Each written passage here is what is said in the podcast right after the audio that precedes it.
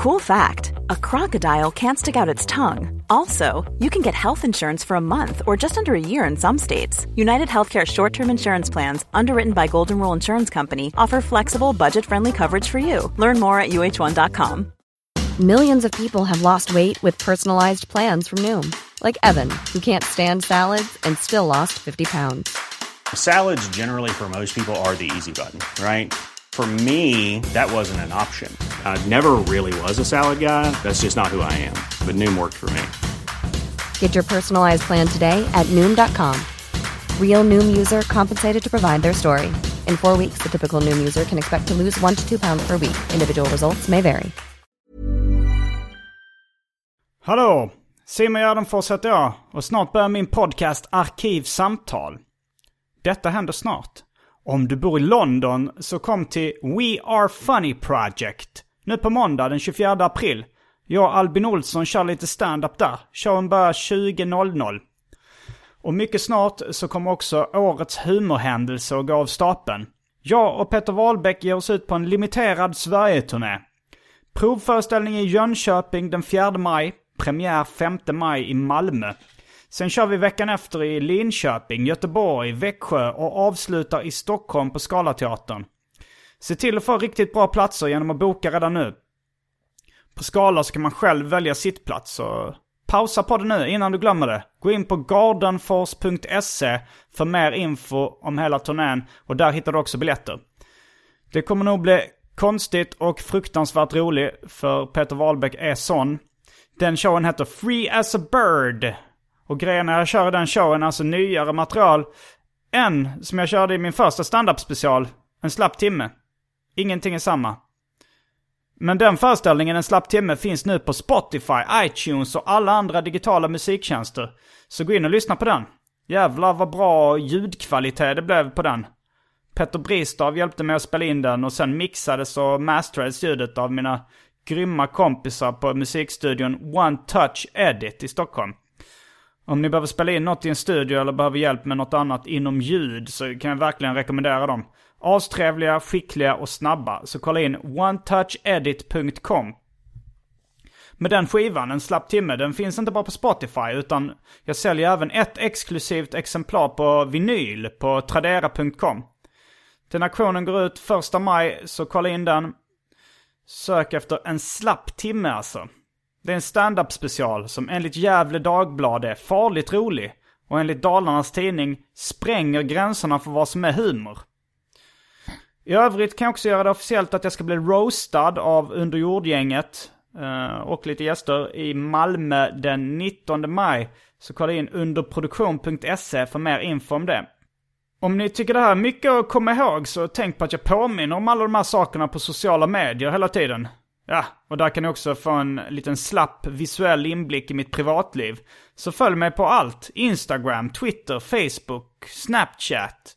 Heter atgardenfors. Eller bara sök på eh, Simon Gärdenfors. Men nu kommer Arkivsamtal. Mycket nöje.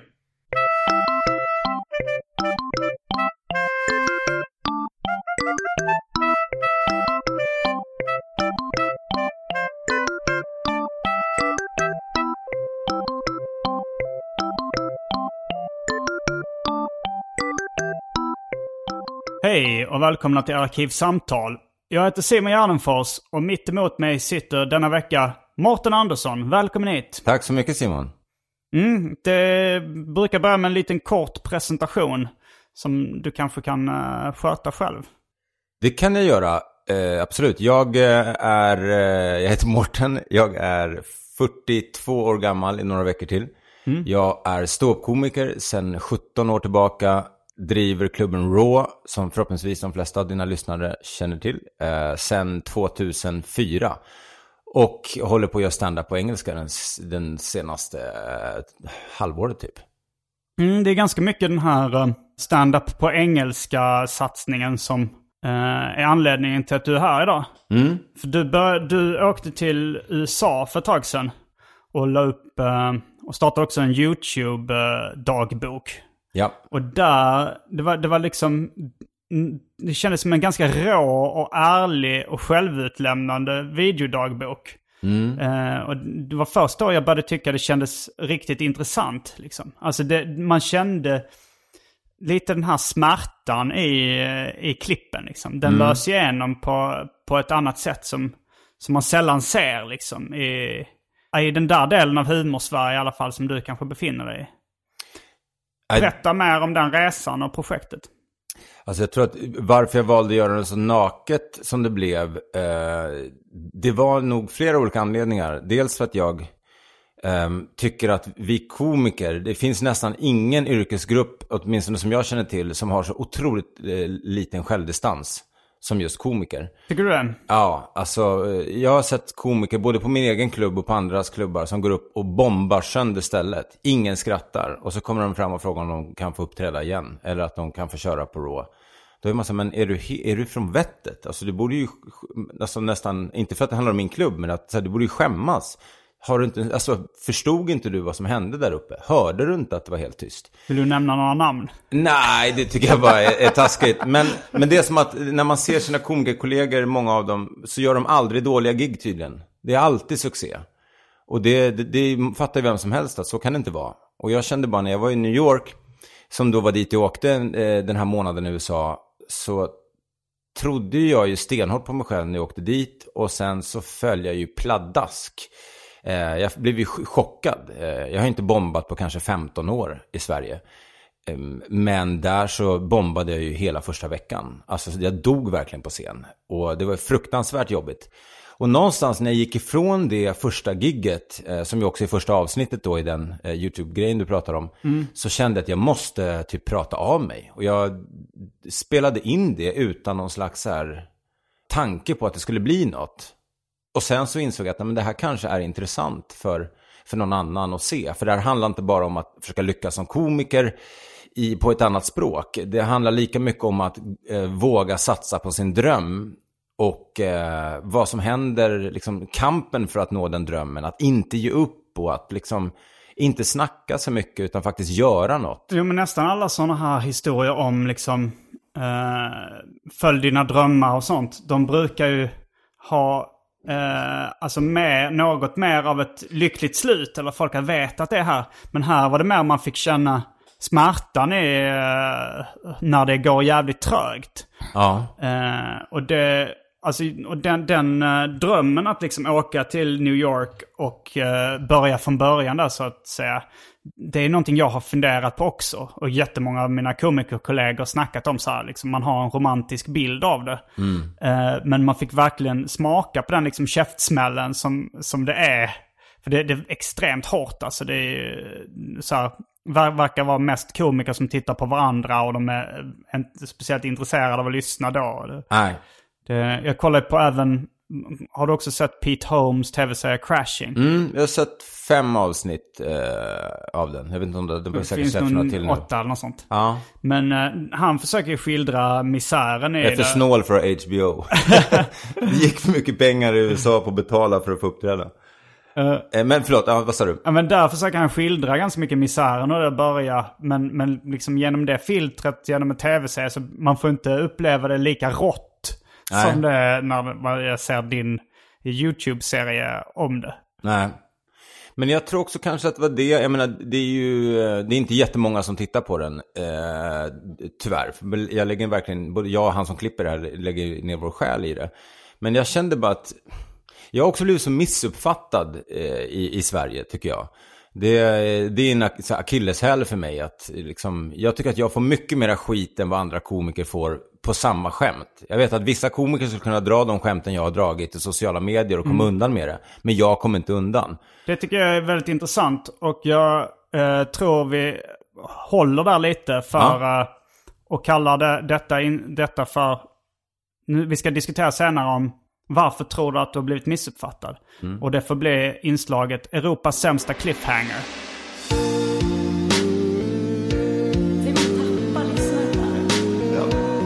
Europas sämsta cliffhanger. Eh, men först så um, kastar vi oss in på ett annat fast inslag. Det omåttligt populära inslaget Välj drycken.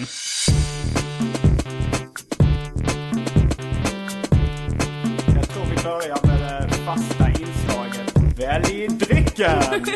Och här kommer alternativen.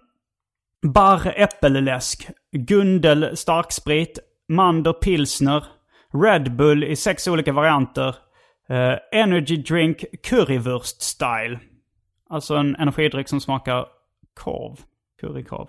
Eh, Rapskate IPA, hembryggd lakrits-IPA som jag fick av någon kille på ett gig. Leninade-läsk, nioårig Rosita, också en present. Någon japansk dryck som någon har skickat som heter Onikoroshi. Häxblandningen som är en blandning av alla drycker som jag hade i kylen innan jag gjorde en corporate rebranding för några veckor sedan. Och för tråkmånsar och nejsägare, vatten. Okej, okay. vatten blir alldeles för tråkigt. Men samtidigt har det varit en lång påsk eh, med ganska mycket påskfest. Mm. Eh, sådär, så att jag är inte sugen på alkohol. Den där, det var ju någon, någon grej som lät som den ultimata drycken för någon som är för trött på fyllan för att köpa wurst men som ändå vill ha smaken av det och vill bli lite pigg. Energy drink currywurst style. Ja, man måste ju prova det. Ja, det ska jag se fram emot. Jag tror jag tar en jag häller upp en liten bara shot av det så jag får provsmaken också. Eh, och sen så tar jag själv... Eh, jag tror kanske första gången eh, någonsin jag bara tar vatten. Okej. Okay. Jag, efter 200 någonting avsnitt så kommer jag ut som tråkmåns och nejsägare. Okej. Okay. Ja. Då är vi strax tillbaks med dryckerna kända från det omåttligt populära inslaget Välj drycken. Häng med!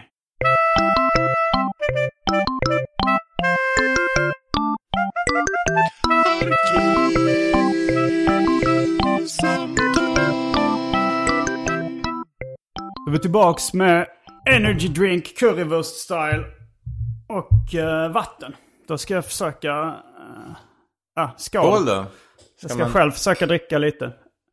Lukta på det, det luktar lite... Det luktar ju curry. Det luktar nästan svett. Mm, lite. Luktar svett ja, men, smakar curry. Smakar curry Red Bull. Så de har lyckats... Ja, det, det, smakar rätt mycket Red Bull. Men korvsmaken fanns det inte riktigt. Uh, det är jag både glad och ledsen över. Ja, det är ju curry, ja, precis. Någon korv känner man inte, men ja, curryn, lite rökt, curryn går igenom. Ja. Mm. ja men det var, Vem kommer på en sån här dryck? Uh, Var har du köpt den? Uh, ja, det var en kille som skickade den till mig faktiskt. Uh, okay. men jag tror det är i kölvattnet av succén med Jones Soda. De gör sådana limiterade läsker. De gjorde börja med en, med en på Thanksgiving där de hade liksom som smakade kalkon och sånt där. Okay. Och sås och så blev det populärt som en flippig grej. Och då har, jag tror att efter det så exploderade marknaden för flippig läsk. Okej. Okay. Ja, det står här också Energy Drink Currywurst Style Das Original. Då eh, ska vi på ett tidigt stadium rycka av uh, skynket för Europas sämsta cliffhanger. Du ska få prata om varför du tror att du har blivit missuppfattad. Alltså, på, för det, det är ju en ganska intressant uh, sak. Du, du, du har hållit på med stand-up och humor och underhållning och media alltså, så länge jag kan minnas. Ja. Måste vara 25 år eller någonting. Ja, men det är det nog. Det första jag gjorde i humorväg var nog faktiskt redan på ZTV när jag mm. var 22. Då jag började göra imitationer eh, i några av programmen där. Ja. Och eh, sen så började jag på Pippirull när jag var 25. Du gjorde den klassiska Dr. Alban-imitationen. Ja, som ja. också hamnade i rätten. Ja, eh, det är ju en sjuk historia i sig. Det kanske inte det finns tid för. Men eh, han stämde ju Sveriges Radio på 500 000 spänn. Eh, för ärekränkning. Mm -hmm. Och så blir det då en rättegång. Och han har kallat Runar som vittne. Det är redan det är Vittne, helt absurt. Karaktärsvittnen eller? Ja, det, det, är precis det man frågar sig. Eh, men det hade han gjort då. Och jag var inte där själv eh, av förklarliga skäl. Men... Vad, var, vad var förklarliga skäl? Jag bodde i Spanien då. Mm. Och sen så tror jag inte att det hade gjort saker och ting bättre. Och det var inte jag som stod under åtal. Mm. Det var ju huruvida det här var satir. att betrakta som satir eller då ärekränkning. Uppenbar satir eller ärekränkning. Ja, precis. Ja, men exakt så.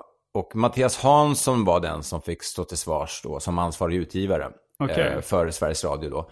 Och eh, det sjuka i den här historien då var ju att de här nämndemännen skulle ut och ta ställning till bevismaterialet mm. som naturligtvis då var telefonsamtalen.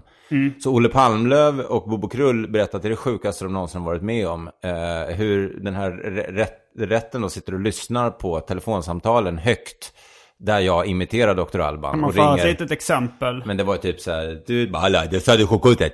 Det där är Dr. Alban. Du vet artisten. jag har, jag har problem med ballen. Jag säger hoppa hoppa, men den vill inte. Den funkar inte. Den är inte stabil. Lite Just så. det, det blev ju liksom eh, nästan en meme eller viral som man skulle sagt idag på Ja. den tiden. Alltså det fanns lite överallt. Ja. Uh, Och blev Grammis-nominerad till och med den där det skivan. Men idag så vet jag inte hur kul det där är. Förmodligen inte så roligt alls. Det är väl så här Stämmer Nile? City-grejen att det, inte, det var kul då, men det, är inte, det funkar inte alls nu. Tror jag. Men, eh, nej men så, så var det. Där började i alla fall med, eh, med, med eh, stand-up i den vevan. Det stämmer att du också har uh, klätt ut dig till Dr. Alban i ett live-framträdande. Ja, det, det även i TV3 faktiskt. Är det TV3? Ja, och liveframträdande. För där- det har jag letat efter på nätet men det finns inte att hitta någonstans. Jag tror att TV3 fick eh, väldigt, eh, liksom, nej, de blev nog nervösa. För idag hade det nog varit ännu svårare. Den hade varit fruktansvärt svår. Vilket år var det här?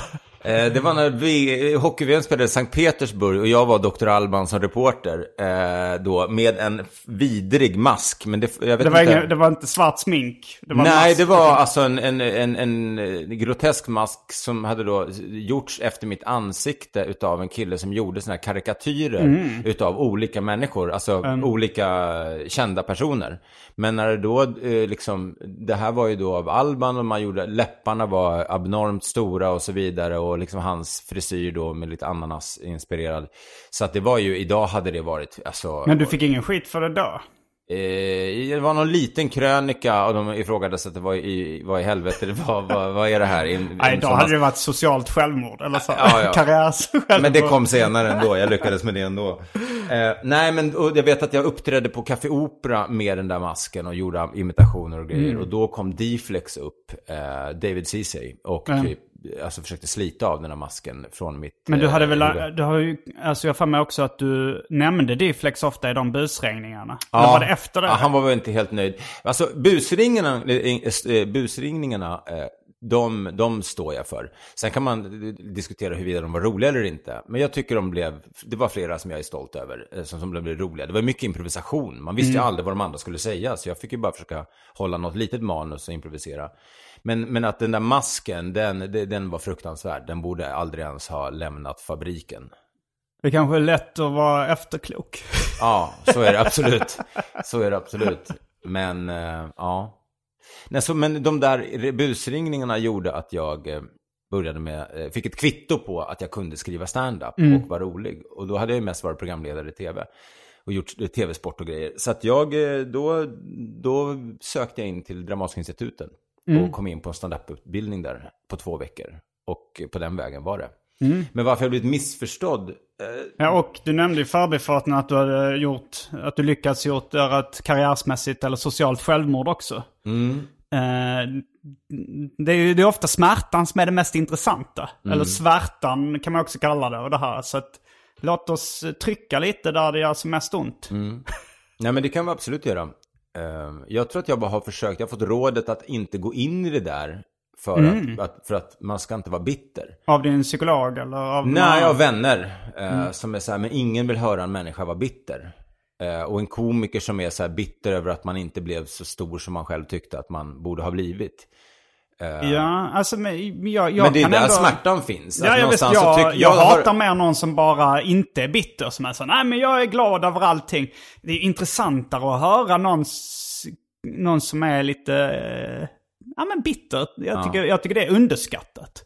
Eller människan, är det inte det egentligen vi pratar om? Att vara, vara på riktigt? Jo, Precis det är som det du inledningsvis pratade om också. Jo. Så är det lite det, om det är någonting jag har tagit med mig från New York, eh, så är det att eh, jag har nog alltid skrivit eh, humor utifrån, alltid börjat med skämten. Istället för att börja med liksom något intressant. Och jag har aldrig någonsin eh, lyft in mig själv speciellt mycket. Det var under ytan som jag gjorde. Det var första gången som jag tror att man fick lära känna mig. Den här människan Mårten. Men annars så har det bara varit lite tysk porrskämt och rallyförare hit och dit och liksom tandläkarskoj. Ingenting har varit på riktigt. Och det här insåg jag bara för några, liksom någon månad sedan. Att jag måste, alltså kanske därför jag inte har lyckats. För att jag har inte en relation, jag har inte byggt en relation till min publik. Därför att jag har inte, jag har inte bjudit på någonting egentligen. Jag har bara bjudit på skratt. Men inte på något som är, som är på riktigt. Men samtidigt Till exempel så, smärta då, eller Ja. bitterhet, eller vad det än må vara. Men jag tänker att det finns ju komiker som till exempel Jerry Seinfeld. Jag skulle inte säga att han har bjudit på så mycket av sig själv eller, eller s- svarta. Eller Johan Glans för den delen, inte jättemycket. Men att det är ändå liksom, ja men skämten funkar bra i alla fall. Men Johan, om man tar honom som exempel, så kan han ju prata om hur han hämtar på dagis och han somnar på en av de här gröna madrasserna eh, när alla andra han vaknar upp så har han gått därifrån fast han ska vara dagisförälder. Det är ju svinroligt. Och då berättar han ju ändå någonting om sig själv men framförallt så berättar han någonting som folk kan känna igen sig i. Och även om man inte har barn så har man liksom så att, jag tror bara att andra komiker har varit smartare än jag. Jag har nog eh, i min jakt på skratt tappat bort eh, mig själv i det där. Och det är därför jag är så inspirerad av bland andra då Nisse Hallberg.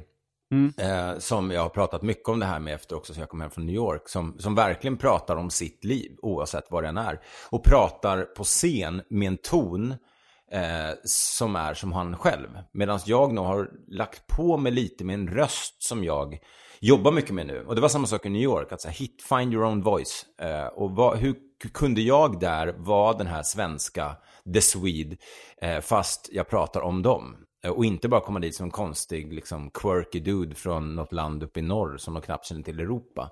Utan så här, hitta, eh, hitta mig i det. Jag kan inte förklara det bättre än att, eh, och jag tror misslyckas med det. Så det kan vara en av anledningarna till att det inte har funkat. Att jag kanske borde ha bjudit på den här bitterheten. Eller att liksom, jag hade faktiskt ett skämt åt det hållet på, eh, när jag gjorde Hybris. Där jag säger att eh, jag har En alltid... annan stand-up-föreställning. Ja, förlåt. Precis. Eh, Jag, eh, där jag sa att jag har alltid tyckt att jag är mer begåvad än vad alla andra tycker i det här landet. Och det är helt sant. Det, det står jag till 100% för. Att jag, jag tycker verkligen det. Men jag har inte vågat säga det för jag har varit så rädd för vad, att folk ska tycka jag är en idiot eller en diva. Men många av, av människorna tycker ju redan det. Så att vad har jag att förlora? Och inför New York så träffade jag lite olika byråer för att här, hjälpa mig med varumärket då som jag ville ha, The Swede. För jag insåg att jag kan inte bara... Reklambyråer alltså? Ja, ja. Eller PR-byråer? Både och.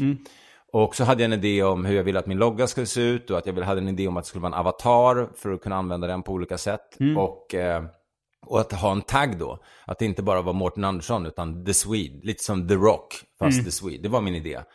Och eh, i det då så var det en av de byråerna som en av mina polare driver som sa, han bara, men om du har 13 000 följare på Instagram, skit i om du tappar 100 stycken för att du tar en selfie. Gör det ändå om det är det du vill göra. För även om du har 1000 stycken så är det mycket, mycket bättre. Eh, för du kommer ha folk som verkligen gillar dig och som kanske vill köpa biljetter till dina shower. Så skit i de andra. Och det stärkte mig verkligen och där är jag fortfarande idag för att jag ibland nojar mycket. Speciellt i Sverige, det här jante, att man ska inte tro att man är något och att jag nojar mycket mer här vad andra ska tycka och tänka om mig. Men jag har blivit mycket duktigare på det nu. Att skita i det. Så alltså, den där grejen skulle jag kunna säga. Så får 90% tycka att jag är en idiot. Men om 10% av dem verkligen gillade det, ja, hellre det. Och det är så jag tror Bettner har byggt sin karriär väldigt mycket. Han har aldrig kompromissat. Och därför är han en av de absolut största idag. Han gjorde också företagsjobb. Men han sa så här, bara ni vet vem det är ni bokar. Ja, då, det vet vi. Och sen så hatade 90% av honom eh, på det där företagsjobbet. Men 10% älskar honom. Och det är så han har byggt, bland annat, sin publik. Eh, men är det här en del av svaret varför du blev missuppfattad tror du? Eh, ja, jag tror att det finns en liten del i det. Sen tror jag att jag, jag själv har en stor del i det. Jag har varit en jäkligt ytlig person. Jag, jag anser inte själv att jag är en ytlig person. Men jag har betett mig ytligt. Eh, liksom, och det var det som hände med Under ytan. Folk fick eh, ytligheten i en kontext. Man förstår varför jag hade druckit så mycket sprit och varit med så många tjejer och, och, och liksom den här jakten på att försöka fylla tomheten på olika sätt och bekräftelsebehov och allt sånt. Men eh, så att jag har, jag har ju säkert varit med och spelat spelet för att, inte medvetet, men gjort en del knäppa saker. Men eh, sen tror jag också att jag blivit arg när jag blivit så missförstådd. Men typexempel är ju den här grejen som hände med eh, Amelia, Comedy Queen. Där, jag, där jag eh, och mitt företag startar, eh, kontaktar Amelia och startar den här tävlingen för att få fram fler kvinnliga komiker. Var det på ditt initiativ eller Ja, Amelias? på Okej. mitt initiativ. Och sen så eh, säljer den där föreställningen dåligt och i frustration då så skriver jag ett internt mail till sex personer att eh, varför ska jag som bokare boka kvinnliga komiker när ingen vill se dem? Och det är naturligtvis oerhört korkat skrivet. Är något som jag verkligen får förklara sig. Jag uttryckte mig i affekt och så vidare och så vidare. Eh, även om det fortfarande är så att det är fortfarande bara Amy Schumer i världen som, som säljer ut arenor.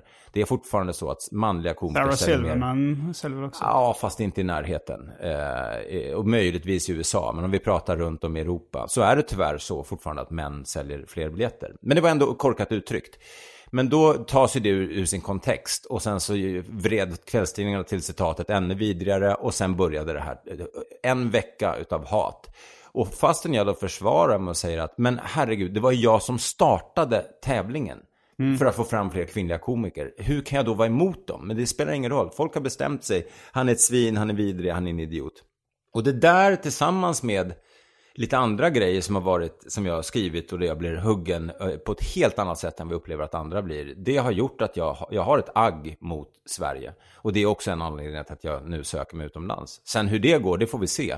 Men, eh, men då har jag åtminstone inte bara fot, eh, alla, alltså båda fötterna här i, utan jag försöker med någonting annat. För att jag tror att jag aldrig någonsin kommer bli en stor komiker i Sverige. Uh, men jag tänkte på det här med... Alltså har du, du, du har länge, har du känt dig utanför länge i liksom humorsverige på något sätt? Ja, eller har det mer, kommit? mer eller mindre sedan dag ett Mhm. har jag känt mig som en outsider. Har du Eh, gjort det även utanför humorvärlden, liksom i skolan och i, i samhället och... Ja, en- under ytan berörde det där en del. Att, jag, all- att jag, det var en stor sorg att jag aldrig haft en bästa vän. Mm. Sådär. Jag har haft många bra vänner. Men sen är också, vad är en bästa vän? Det är lite som att... Eh, ja, men det var en stor grej då. Men, och jag har fantastiska vänner. Mitt, jag tror att mitt stora problem är att jag är tyvärr alldeles för bra på att fokusera på det negativa istället för det positiva. Om, liksom, det är ju säkert 30 komiker från runt om i världen som har hört av sig om min YouTube-kanal eh, och den här vloggen då och bara tackat eller hur mycket den har inspirerat och sånt där. Och det gör ju mig jätteglad. Men det går ändå in i ena örat och ut i andra. Så det räcker att jag får en negativ kommentar. Eh, att någon går in och trycker att det är dåligt och så, så kan jag inte släppa det. Att jag tycker så här, vem gör så och varför gör du så mot mig? Och så blir jag förorättad och när jag blir förorättad så går jag in i affekt och det är då jag liksom blir en idiot. Ja. Jag vet inte ens om det var svar på din fråga. Jo, det, det är ju... ab- absolut. Men Alltså jo, nej, om jag varit ensam. Nej, men så här. Nej, men, eh, men jag undrar liksom det här med... För du, du sa att det här liksom Amelia Comedy Queen-bråket. Mm. Att det var en del till liksom varför döm, folk dömer det hårdare. Det finns många Men fler. det- Rom och Cola, som jag la upp en bild på en rom och en Coca-Cola.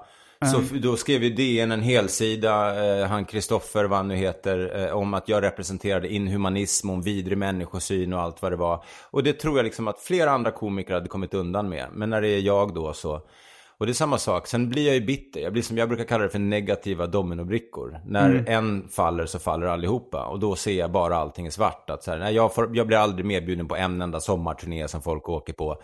Ingen en podcast vill ha med mig och göra ett samarbete. Och då börjar man säga, men är jag en sån vidrig människa? Har de faktiskt rätt? Jag kanske är en helt värdelös, dålig människa. Och den kampen, den har jag nog fört sen, liksom, sen dag, dag ett. Och att vissa komiker inte vill köra på Raw. Nej, men jag har ju mått dåligt också. Men, ehm, eh, och att vissa komiker bara vill köra Norra Brunn, men de vill inte uppträda på Raw. Och jag fattar inte grejen. Jag fattar inte varför man inte både kan vara på Comedy Store och Laugh Factory. Och så tyvärr tar jag det personligt. Och väldigt sällan är det säkert personligt. Men jag, jag gör det och så blir jag ledsen och besviken och arg. Och då blir det ju väldigt sällan bra.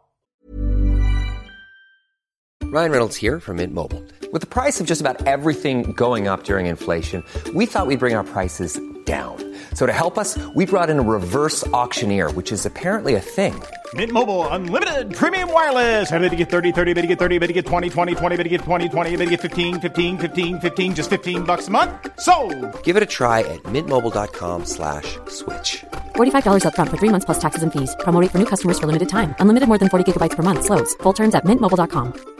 Jewelry isn't a gift you give just once. It's a way to remind your loved one of a beautiful moment every time they see it. Blue Nile can help you find the gift that says how you feel and says it beautifully with expert guidance and a wide assortment of jewelry of the highest quality at the best price. Go to BlueNile.com and experience the convenience of shopping Blue Nile, the original online jeweler since 1999. That's BlueNile.com to find the perfect jewelry gift for any occasion. BlueNile.com. Planning for your next trip? Elevate your travel style with Quince. Quince has all the jet setting essentials you'll want for your next getaway, like European linen, premium luggage options, buttery soft Italian leather bags, and so much more. And it's all priced at 50 to 80% less than similar brands. Plus, Quince only works with factories that use safe and ethical manufacturing practices. Pack your bags with high-quality essentials you'll be wearing for vacations to come with Quince. Go to quince.com slash trip for free shipping and 365-day returns. Men just det här också att agera i aff- affekt, liksom att du re- reagerar väldigt mycket känslomässigt.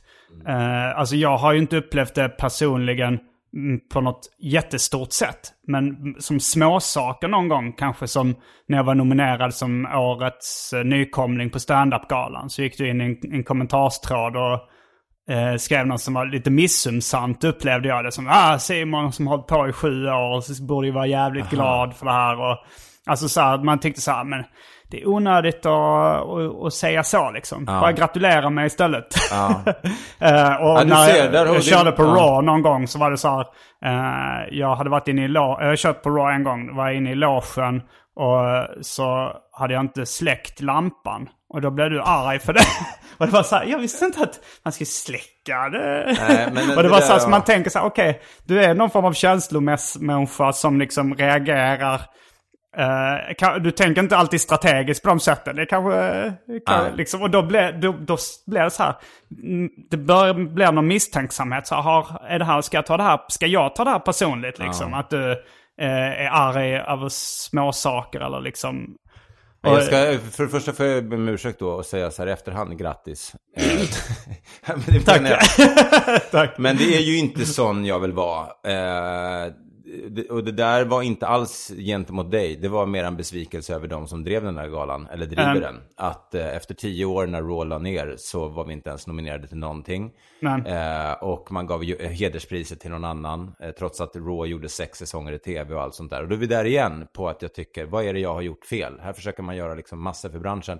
Och, så det var inte menat mot dig, det var en eh, liten besvikelse eh, mot dem. Och sen fick jag höra att man håller på och roastar och pissar på mig på hela galan, att alla skämt hamnar om mig, men jag var inte där. Och då kan jag också bara känna så här, ja men vet ni vad, dra åt helvete med er allihopa. Så det var också en av, en av anledningarna till att jag faktiskt la ner Raw under två och ett halvt år. Inte bara för att jag ville göra soloföreställningar, för jag var så be- oerhört besviken på branschen. Men sen är jag också, grejen med Raw är jag är oerhört noga med detaljer. Det spelar ingen roll om det handlar om mitt, min, hur loggan ska se ut, vilka DJs som spelar, till att det inte ska vara tänt där uppe. Därför att det, det är som en nattklubb som är eh, helt nersläckt och sen så lyser det vitt upp i ett rum. Då förstör det helhetsbilden.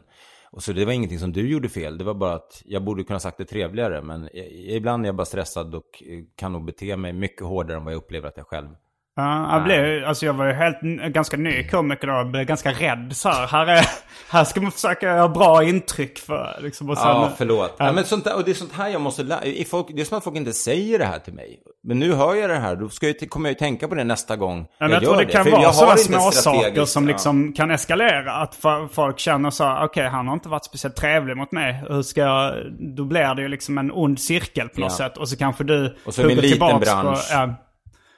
Men jag tänkte på utlandssatsningen också. Mm. Eh, en månad känns ju väldigt, väldigt kort tid i liksom standupbranschen. Hade du, hade du tänkt, var det tanken från början att du bara skulle köra en månad i New York? Men så här är det, jag... eh, ja, det var tanken att det bara skulle vara en månad eh, till att börja med. Och så var min plan att min flickvän skulle komma eh, eh, efter två veckor. Och det skulle vara min eh, julklapp till henne. Men så eh, fick hon inte ledigt. Eh, och jag hade inte ens liksom briefat henne om det här, vilket jag skäms. Det var en överraskning. Ja, exakt. Eh, och sen kunde hon inte åka. Och då var vi en, över en månad ifrån varandra, fem veckor. Och det, utan att gå in i några detaljer, så det var inte jättebra. Det var ingen av oss som mådde så superbra av det. Inte hon framför allt då. Jag gick ju 150% in i comedyn. Så jag, jag tänkte ju inte på någonting annat än comedy i stort sett där. Men jag skulle aldrig göra så mot henne igen. Och eh, så ska jag åka tillbaka, vilket jag insett att jag måste göra om jag överhuvudtaget ska ha en chans att lyckas. Eh, det, en månad är ju ingenting. Men, Tre månader är ingenting. Man måste vara minst sex månader, förmodligen ett år. Men det är någonting jag kommer förankra med henne och se om hon tycker det är okej. Jag kommer Mm. inte välja den internationella karriären före vårt förhållande. Okej. Eh, där vi är just nu. Nej. Det Vad är så- plan B då ifall, ifall, ifall det inte funkar med förhållandet? Och... Men det är ju både prio 1, 2 och 3 för mig. Så, där, så det här var nog, ja absolut, så är det. Mm. Eh, jag har ju letat efter kärleken i, i liksom massa år. Hur länge Och har ni varit tillsammans nu då? Sen januari förra året. Så det är Men väl hon bor inte 15 i Sverige eller? Nej, exakt. Hon bor i Belgrad. Och så vi har väntat sju månader nu på att få en intervju. Eh, Mm. Eftersom vi har sökt uppehållstillstånd. Och eh, får fortfarande ingen intervju. Och sen så säger de att det kan ta upp till 20 månader. Så att vi ska ha ett år till då som inte Mm. vi kan få vara tillsammans. Så det, ja, det känns vidrigt. Så att eventuellt så kommer ni vi... gifta? Eh, nej, och det spelar ingen roll. Okej. Det spelar ingen roll om hon blir gravid, det spelar ingen roll om vi gifter oss. Det är ingenting. Sverige har blivit ett jävla fascistland när det kommer till att släppa in folk. Eh, Så nej, det känns inte så kul. Men då har vi börjat titta på alternativ. Och eh, ett alternativ skulle kunna vara då att vara en period i USA till exempel. Och så slår vi två flugor i en smäll. Vi får vara tillsammans, jag får göra min stand-up. Men då handlar det om vad ska hon göra därifrån? Kan hon jobba därifrån? Ja, kanske en egoist och ekonomisk dra- fråga också. Ifall, ifall du inte tjä- tjänar pengar i början så är det väl svårt då. Det är en Nej, och det är inte bara att man inte tjänar pengar. Man får ju betala för att Mm. göra gig där också. Det är ju fem dollar per gig. Och så gör du kanske liksom, det blir inga jättepengar. Men säg att du gör dubbla gig per, per kväll. Det är ju ändå 10 dollar. 100 spänn om dagen för att beta- betala för att få folk att skratta. Så, um, nej, så planen nu är väl att dra dit igen. eh, New York City. Ja, New York. Eh, och varför jag valde det och inte LA är ju för att det är mycket mer kompakt i New York. Mm. Du hinner göra många fler gig. Eh, du hinner lära känna folk på ett helt annat sätt. Du behöver inte ha bil. Så um, åka dit och få ihop en riktigt, riktigt bra act. Eh, och sen liksom försöka jobba utifrån eh, det och kanske kunna resa runt i världen åtminstone. Att du har 30-60 minuter riktigt vass stand-up. Och eh, skulle jag kunna göra det på ett annat språk, som vissa, några andra svenska komiker, Isak Jansson, Tobias Persson och några till som åker runt och uppträder. Det räcker rätt bra för mig. Jag tror att en del av det här också var ett litet kvitto för mig själv ett, och ett litet fuck you till alla som inte köpte biljetter till mina föreställningar. Sålde de inte tillfredsställande? Eh, under ytan gick jättebra, men eh, hybris, eh, alltså, jag lyssnade på Soran Ismail. Han bara, men första turnén man gör går man bara precis runt om man, om man gjort det bra. Och sen andra, det är då det liksom lyfter. Och det, för mig blev det precis tvärtom. Eh, jag kanske snittade 150 pers per show med hybris. Mm. Och så har jag lagt ner liksom tio månader på att skriva den, regissera, hyra teatrar, producenter, marknadsföring. Det blev ingenting kvar. Så jag har alltså jobbat gratis i ett år. Och det... Du måste så kände jag bara, rätt, det, det, det blir inga fler soloturnéer här. För folk tror inte tydligen på mig som komiker. Men det kan ju också vara att antingen har jag gjort det på fel sätt, men det är skitsamma. Jag har tappat sugen bara. Jag gör, kommer göra Raw eh, och vara stolt över det och jobba med de komikerna som jobbar, vill jobba med mig. Jag kommer vara trevligare med lysknappar. och eh, så. Och sen gör jag den här grejen utomlands som ett hobbyprojekt. Men jag tänker ju att med rätt kontaktnät och nätverk och så. Jag har ju en agent som tror på mig. Som jobbar med liksom, eh, som är promoter i Europa och Asien numera. För allt från Louis CK, eh, Kevin Hart, eh, och, ja, Amy Schumer bland andra. Bill Burr och så vidare. Eh, där han jobbar med mig och hjälper mig. Eh, Beran Chakroni heter han, som är svinduktig. Så planen är ju att jag ska kunna turnera. Men då måste jag slå igenom. Och jag menar, jag får fortsätta göra min YouTube-kanal, jag får fortsätta försöka göra bra gig, få recensioner, kunna använda dem till att ta sig in på klubbar, göra, liksom få sina sju minuter och när man får dem då går man upp och slaktar stället. Man ser till att man har haft så jäkla tajt sjua så att de ska inte, det ska inte vara att man precis överlever. Man ska visa att den här killen ska vi boka igen. Och att man har något unikt. Och att det då kan vara det svenska. Även om jag tror att det kommer funka bättre i LA. Eh, där det finns fler svenskar och liksom skådisar och artister och regissörer än i New York. Men, eh, men det är på en hobbynivå fast ändå med en målsättning att nå någonstans. Jag antyder ändå att du har en riktigt stor ekonomisk buffert. Om du ska liksom, ja men dels att din senaste turné inte gick med vinst och eh, att du har råd att bara köra på det här i några år. Ja, men jag, har haft, jag har sålt lägen, jag har haft tur med bostäder. Och tjänat pengar på eh, två försäljningar. Så att där, där har jag fått en del pengar. Och sen så jobbar jag lite med aktier. Så att jag, eh, det, det är inte pengar från, från succéturnéer. Jag blå, allt jag hade i mitt bolag blåste jag eh, ute på Fjäderholmarna på en satsning där ute som heter Fjäderholmsscenen. Där förlorade jag 1,7 miljoner. Eh, så jag förlorade precis allt. Jävlar vad is i magen man måste ändå ha för att göra sådana här satsningar. Men Var det du som tog hit Jerry Seinfeld också? Ja, det var jag. Mm. Tillsammans med Mikael Tillman som också då jobbade på Sony Music där Raw låg i tre år. Men jag menar, det är ju liksom, det är samma sak som när jag så här, signade Sean Banan. Det var ingen som trodde på det eh, på Sony Music. Förutom, eh, ja det var två personer förutom jag som trodde på det. Men jag drog igenom hela den grejen och så blev han den bäst säljande artisten, toppade alla listor, blev liksom Sveriges största barnartist, alla kategorier. Eh, så att det är ju också, att, att vara entreprenör eh, är ju att våga tro på saker och ting. Man måste gå på smällar. Det ingår liksom i grejen. Ibland har man tur, ibland har man inte tur. Och så lär man sig att så här, okej, så där gör jag inte nästa gång. Eh, och kanske också bli duktigare strategiskt. Det är ju min svaga, så där. det är därför jag har folk som är duktiga, som hjälper mig när det gäller strategi. Jag är oerhört, liksom, jag tycker jag är duktig som fasen på att gå in och vara kreativ, skapa koncept och grejer och liksom förklara i detalj hur jag vill ha det. Men att sen se det i ett större sammanhang, hur man ska få till det och att förstå att du ska inte lägga energi på lysknappar. Eh, det är jag jättedålig på. Egentligen så är jag imponerad av den perfektionismen som gör att liksom Raw är en extremt snygg klubb. Alltså rent utseendemässigt, scenmässigt och liksom marknadsföring och sånt ser väldigt bra ut och proffsigt. Det var väl bara det att du hade kunnat säga det lite snällt. Ja, nej, nej, men och jag, jag, jag, Ja, jag nej, hör det är ingenting, jag, tar tänker inte heller älta det. Avsnittet, lysknappsavsnittet. Lysknapp. Nej men det är jag som ältar och det här är ju också, det är nästan jag som ältar mer än du. Men jag gillar inte att göra folk ledsna. Det är var- aldrig min Det var ju bara avsikt. liksom ett men... exempel på alltså, sådana små detaljer som kanske liksom är den tuvan som får och stjälper ett lass liksom. Ja. Ifall, man, ifall någon är lite liksom, eh, man känner att man får ett litet hugg ibland. Då, då, då blir man lite mer på sin vakt. Ja.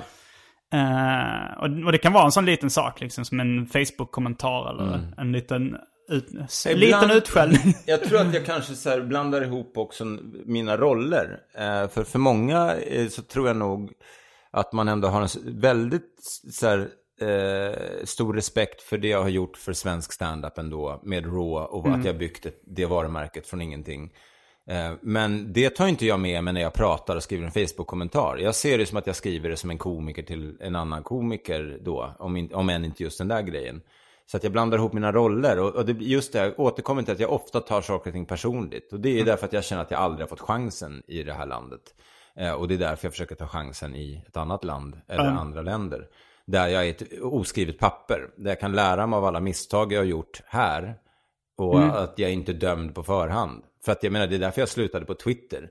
Folk tycker jag är en idiot eftersom jag har 50 000 följare där. Men jag, jag, jag pallar inte. För att det är som att det finns ingen som vill en, eller en, mig väl där. Eh, så att jag, jag mår bara dåligt av alla som ska försöka vrida till varenda grej man säger till någonting helt annat. Och sen så svarar man på det, då får man höra att man har härskarteknik eller, eller ja. Det eh, rent generellt är jag, jag behöver nog bara lämna Sverige längre än en månad, tror jag. Eh, och hitta en second base. Och det fin- där har jag en plan, att, inte, att, att flytta från Sverige. Så att vara i Sverige de bra månaderna, eh, när folk är glada och trevliga och börja tycka om Sverige igen. Och inte vara så jävla bitter.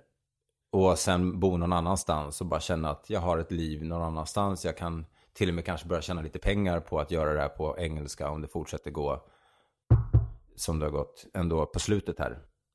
Ja, du fick ju någon, du vann någon eh, tävling mot slutet av, jo, det var ändå lite ett lyckligt slut där. Ja, men det, det är inte ett slut, men det var slut på den resan. Ja, jag vann eh, den talangtävlingen eh, på Greenwich Village Comedy Club då, som är en av de ändå, mm, jag skulle säga fem kanske mest respekterade klubbarna i New York. Kanske nummer fem.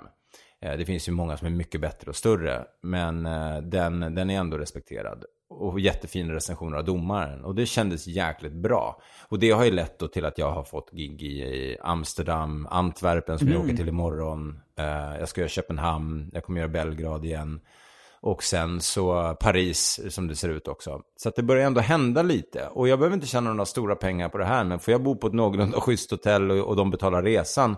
Så är det en vinst i sig för mig. Att, att någon tycker att man är tillräckligt intressant och bra för att de ska vilja boka en. Och det, det, det är kärlek någonstans det här handlar om. Att Ja. jag känner mig, får känna mig som, jag kan det här. När man kommer från ett land där folk är så här, nej tack. Ja, jag kunde relatera till eh, den här, liksom, den här lite ensamhetskänslan i New York, New York också när jag var där. Jag tror det var 2010 jag Men släppte. kör, körde du också där? Det Eh, jag har kört en gång där. Eh, det var nyligen. Alltså jag började med stand-up för fyra år sedan. Men jag var i New York 2010 som serietecknare när jag släppte en bok eh, på engelska. Simons 120 dagar kom på ett amerikanskt förlag som heter Top Shelf. Och då hyrde jag en lägenhet i, i Green, Greenpoint, Brooklyn. Som eh, bodde i en månad. Och det var också samma sak då. Jag hade ett förhållande och jag var borta från, men då var det så att jag tänkte så här, fan det skulle vara skönt att vara lite, lite för mig själv. Men, men så här, efter bara några veckor så började liksom ensamheten äta upp mig inifrån. För jag hade liksom inte så mycket kompisar där.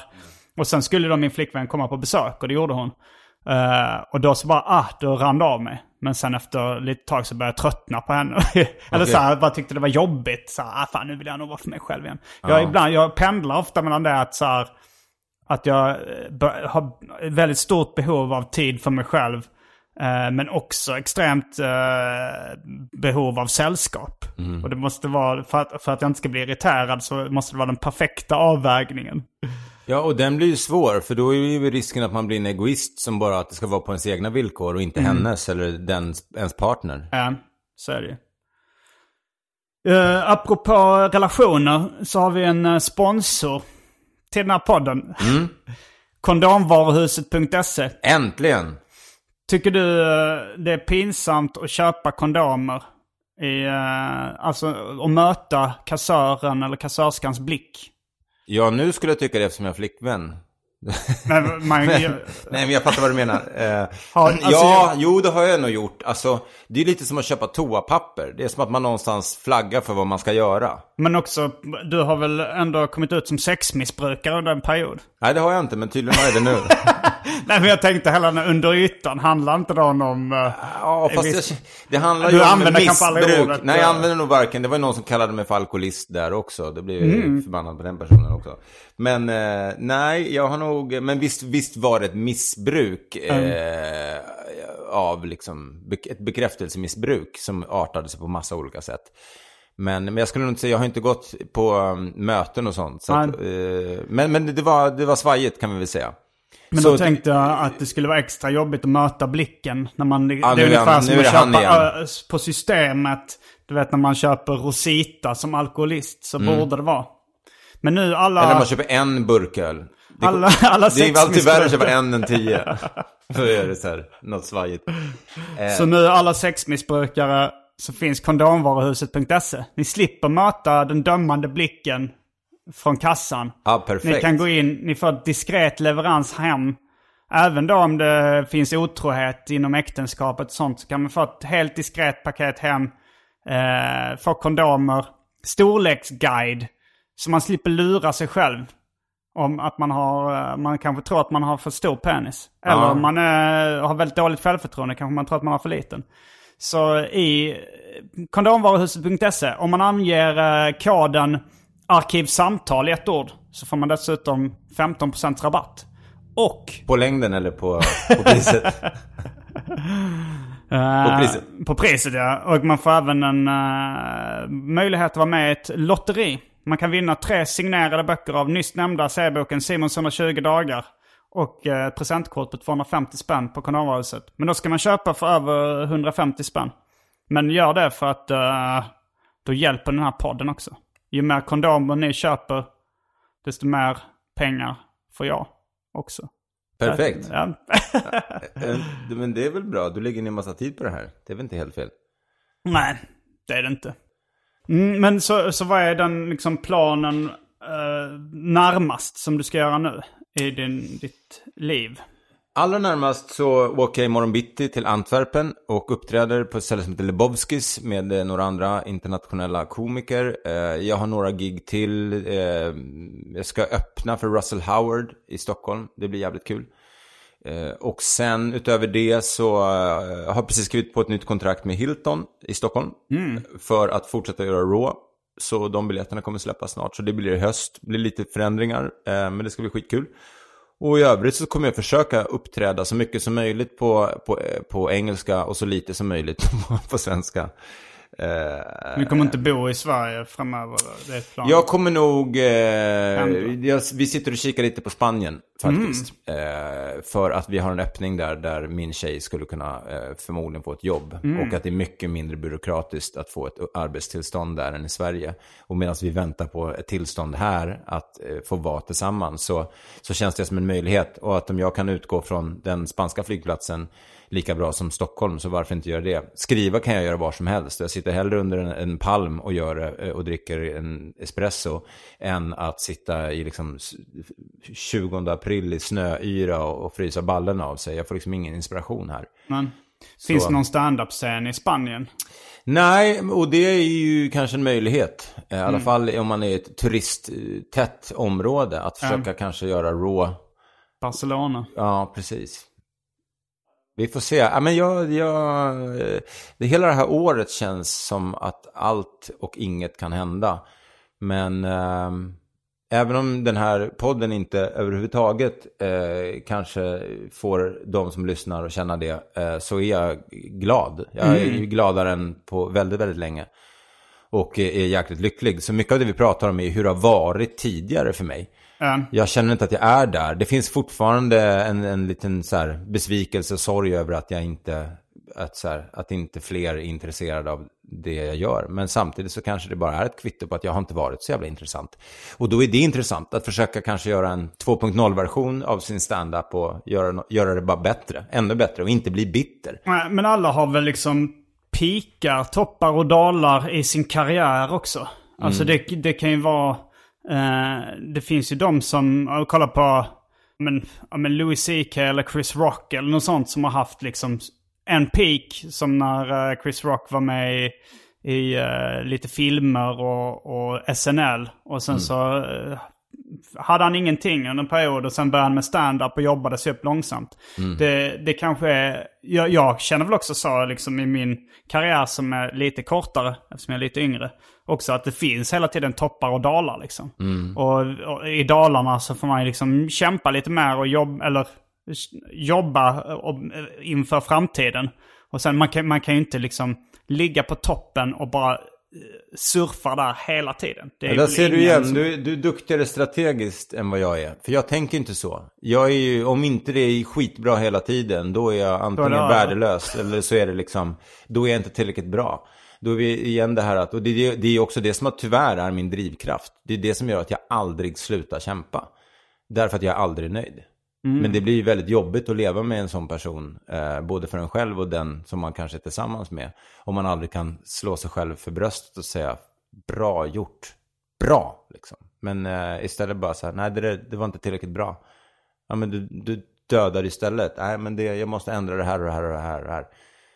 Så det är ju bra och dåligt. Men eh, kan man ha det här strategiska tänket och förstå att ah, men nu kanske jag är i en dal. Jag har ingen inspiration just nu när jag är i Sverige. Men den kommer kanske tillbaka om en vecka, ge inte upp. Men då blir jag lite, då går jag ner i svart. Eller så går jag upp i vitt. Nej, jag tror att... eh, alltså jag känner knappt någon, eller vet knappt något exempel på någon som kämpar extremt hårt med någonting och som inte når någon form av framgång. Uh, alltså när, min, min förra flickvän som uh, höll på med teater och skådespeleri och sånt, hon, hon hade väl haft ganska mycket jobb som bara trillade över henne innan. Och eh, när vi blev tillsammans så var det hade, var hon verkligen, i- alltså då hade, då hade telefonen slutat ringa lite liksom. Att Hon fick inga jobb bara av sig själv. Och jag, då så sa jag, men börja, börja jobba för det liksom. Börja sätta, sätta ihop eh, en sån här showreel och liksom så, här, avsätt tid för det. Och så, och så, det tog ganska lång tid men sen så liksom efter ett halvår, ett år så började jobben komma igen på grund av att hon, hon hade ansträngt sig. Liksom. Och, jag, jag, och jag tror fan att... eh, Alltså jag, kan, jag, jag har nog aldrig träffat någon som verkligen kämpar, kämpar, kämpar och sen händer det ingenting. Nej. Det Men hur upplever du, nu gör ju du både podcast och stand-up och tv-serier och annat.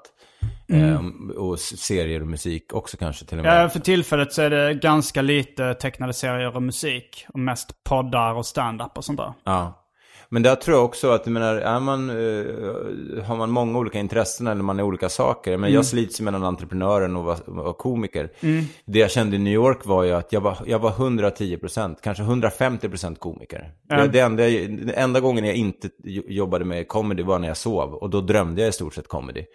Eh, och det gjorde ju att då går ju, blir framstegen helt annorlunda. Och här i Sverige så blir jag distraherad, jag står och tvättar, tvättar, jag liksom ska ringa någon städerska. Alltså det blir liksom, jag håller på att tappa det känner jag. Och det, det gör mig nervös. För jag vet inte om det är samma för dig. Att så här, ska man bli bra på något, ja men då måste man, jag tror inte man kan vara lite det och lite det och lite det. Man, då blir man halvbra på allt.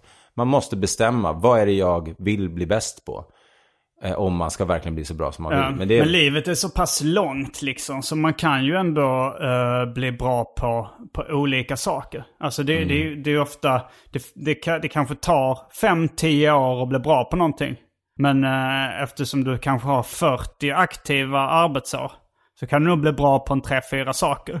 Ja men det tror jag också. Men tänker du då att man alltid gör dem parallellt? Jag tänker att man kanske Ah, går in det i serietecknande intensivt fem år, blir grym på det, pausar det, går in och gör stand-up 110% fem år och sen så liksom någonstans efter den tredje försöket med vad man nu gör så väljer man vilket man tycker är roligast. Eller man kan göra allihopa. Men jag Jo men så blir är det ganska att- mycket jag, jag gör också. Alltså jag, de senaste fyra åren har jag, har jag kört, kört stand-up liksom. Jag kör ofta fem, sex gånger i veckan. och Okej, skriver- du kör så mycket? Ja.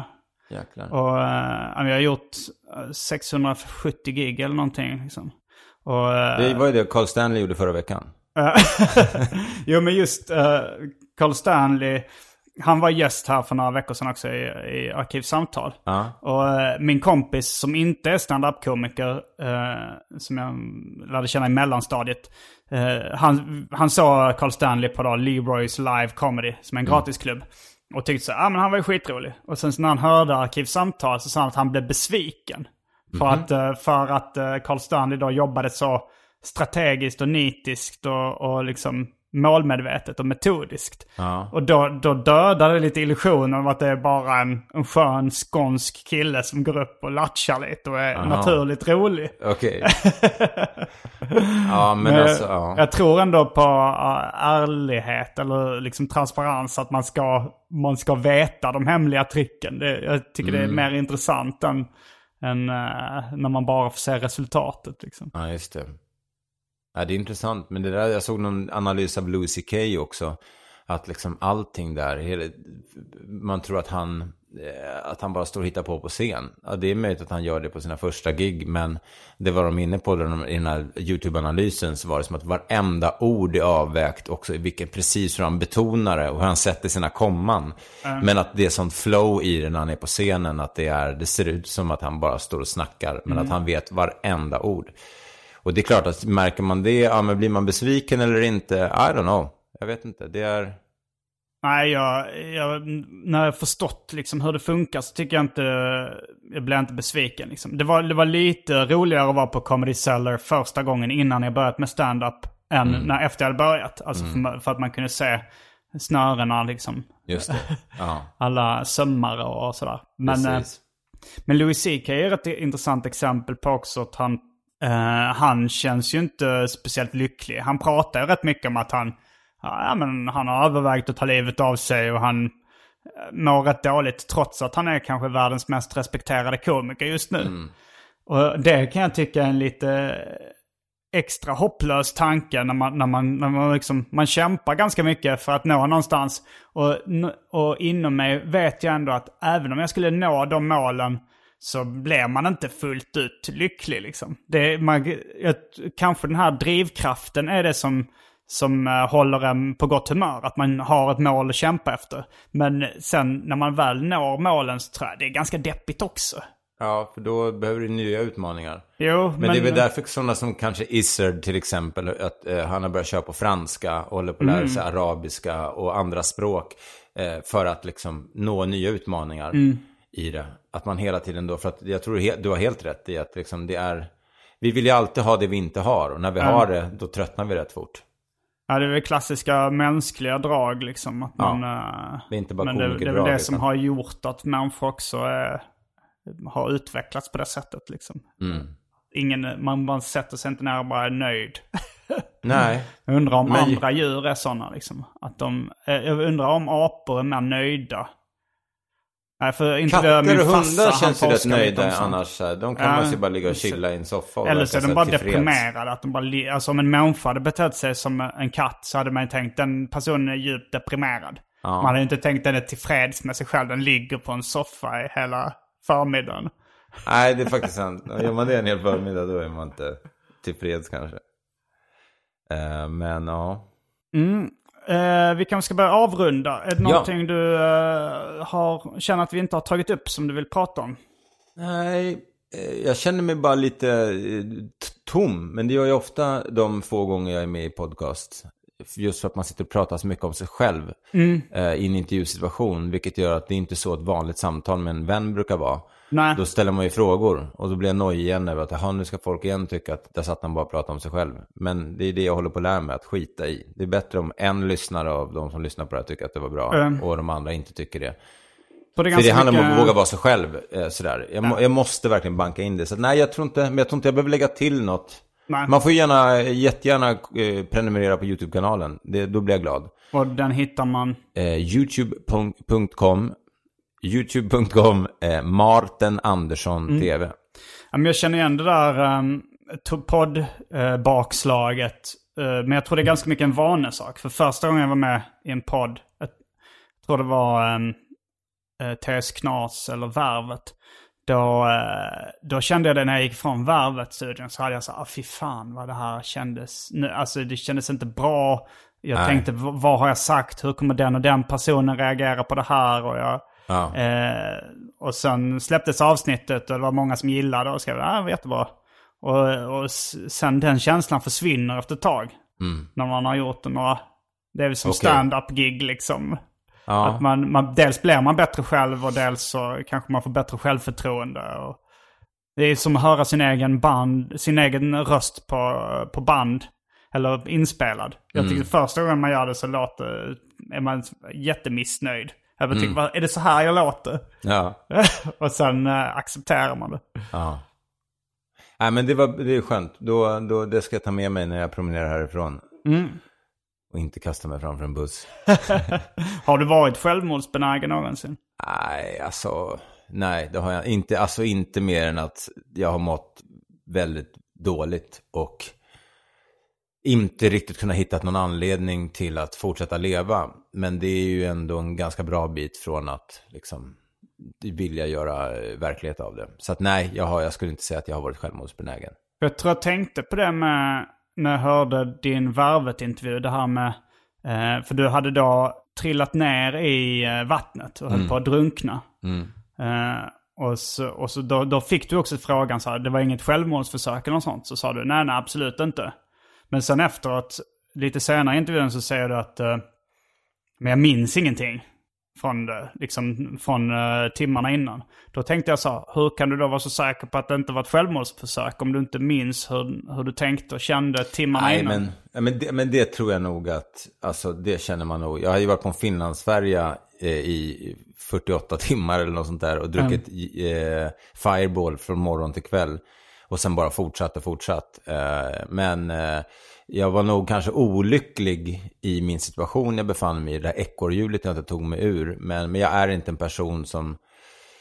Jag kan framstå som självisk kanske, men jag hade aldrig gjort det mot min familj och min syster och mina, liksom, mina nära och kära. Då hade jag inte flickvän, men det... Till de som har begått självmord, jag kan inte leva för dem och säga att de har gjort rätt eller fel. Men jag hade aldrig gjort det. Eh, det, det hade varit för fegt.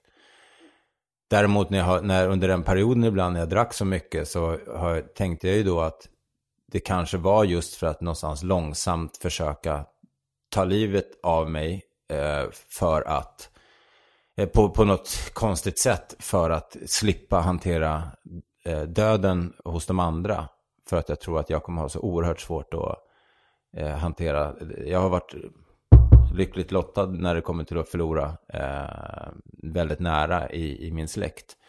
Så jag vet inte om jag är känslomässigt redo för det. Och där har jag trott att jag kanske har försökt göra den grejen, men insett att jag kan inte. Det, är, det hade varit fruktansvärt egoistiskt att göra. Och det så vill jag inte. Så vill jag inte sluta. Det är extremt svårt att supa ihjäl sig också. Alltså, Ja. det... Men jag har talang. ja, men äh, det... Nej då, ska- där ska vi inte hamna. Nu i livet eh, känns jättebra. Och jag, är, jag har träffat världens grymmaste tjej. Så jag, Hur träffades ni egentligen? Mexiko i, eh, för, i januari då, för eh, drygt ett år sedan. Semesterflört. Ja, som vi höll vid liv eh, och sågs direkt två veckor efter. Var det bara i en bar eller på en nattklubb? Ja, exakt så. Bar och sen så var hon där med sina vänner men jag lyckades sno med henne därifrån så vi gick ut på en egen barrunda. Och sen så hängde hon med mig till Cancun. Eh, och så... Var var ni, vilken stad var ni först då? Först var jag i Tulum och där hade hon också varit men vi sågs i Playa del Carmen. Eh, och sen åkte vi till Cancun och så hade vi eh, en och en halv dag där. Och sen åkte eh, jag hem och hon åkte hem. Hon åkte till Serbien, jag åkte till Sverige. Och sen kom hon till Åre av alla ställen.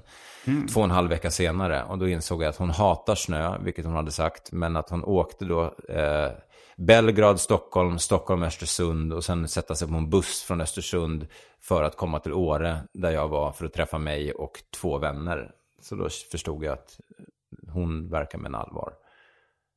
Mm. Då avslutar vi med någon form av lycklig kärlekshistoria. Mm. Tack för att du var med i Arkivsamtal. Det var allt för den här veckan. Jag heter Simon Gärdenfors. Och jag heter Mårten Andersson. Fullbordat samtal.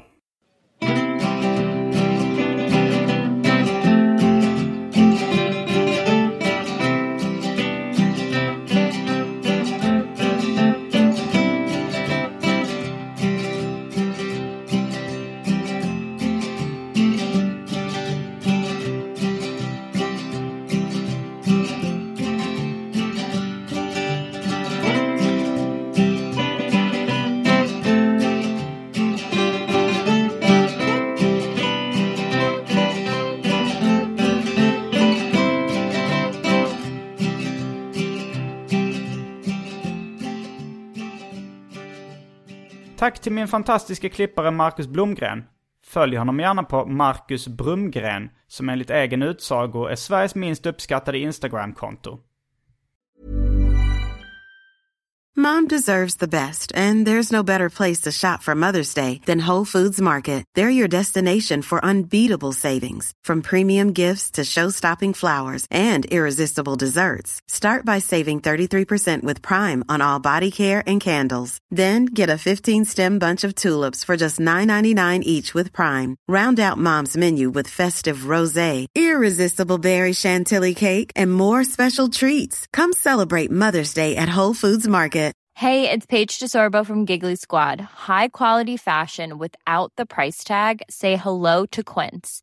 I'm snagging high-end essentials like cozy cashmere sweaters, sleek leather jackets, fine jewelry, and so much more. With Quince being 50 to 80% less than similar brands. And they partner with factories that prioritize safe, ethical, and responsible manufacturing. I love that. Luxury quality within reach. Go to quince.com slash style to get free shipping and 365 day returns on your next order.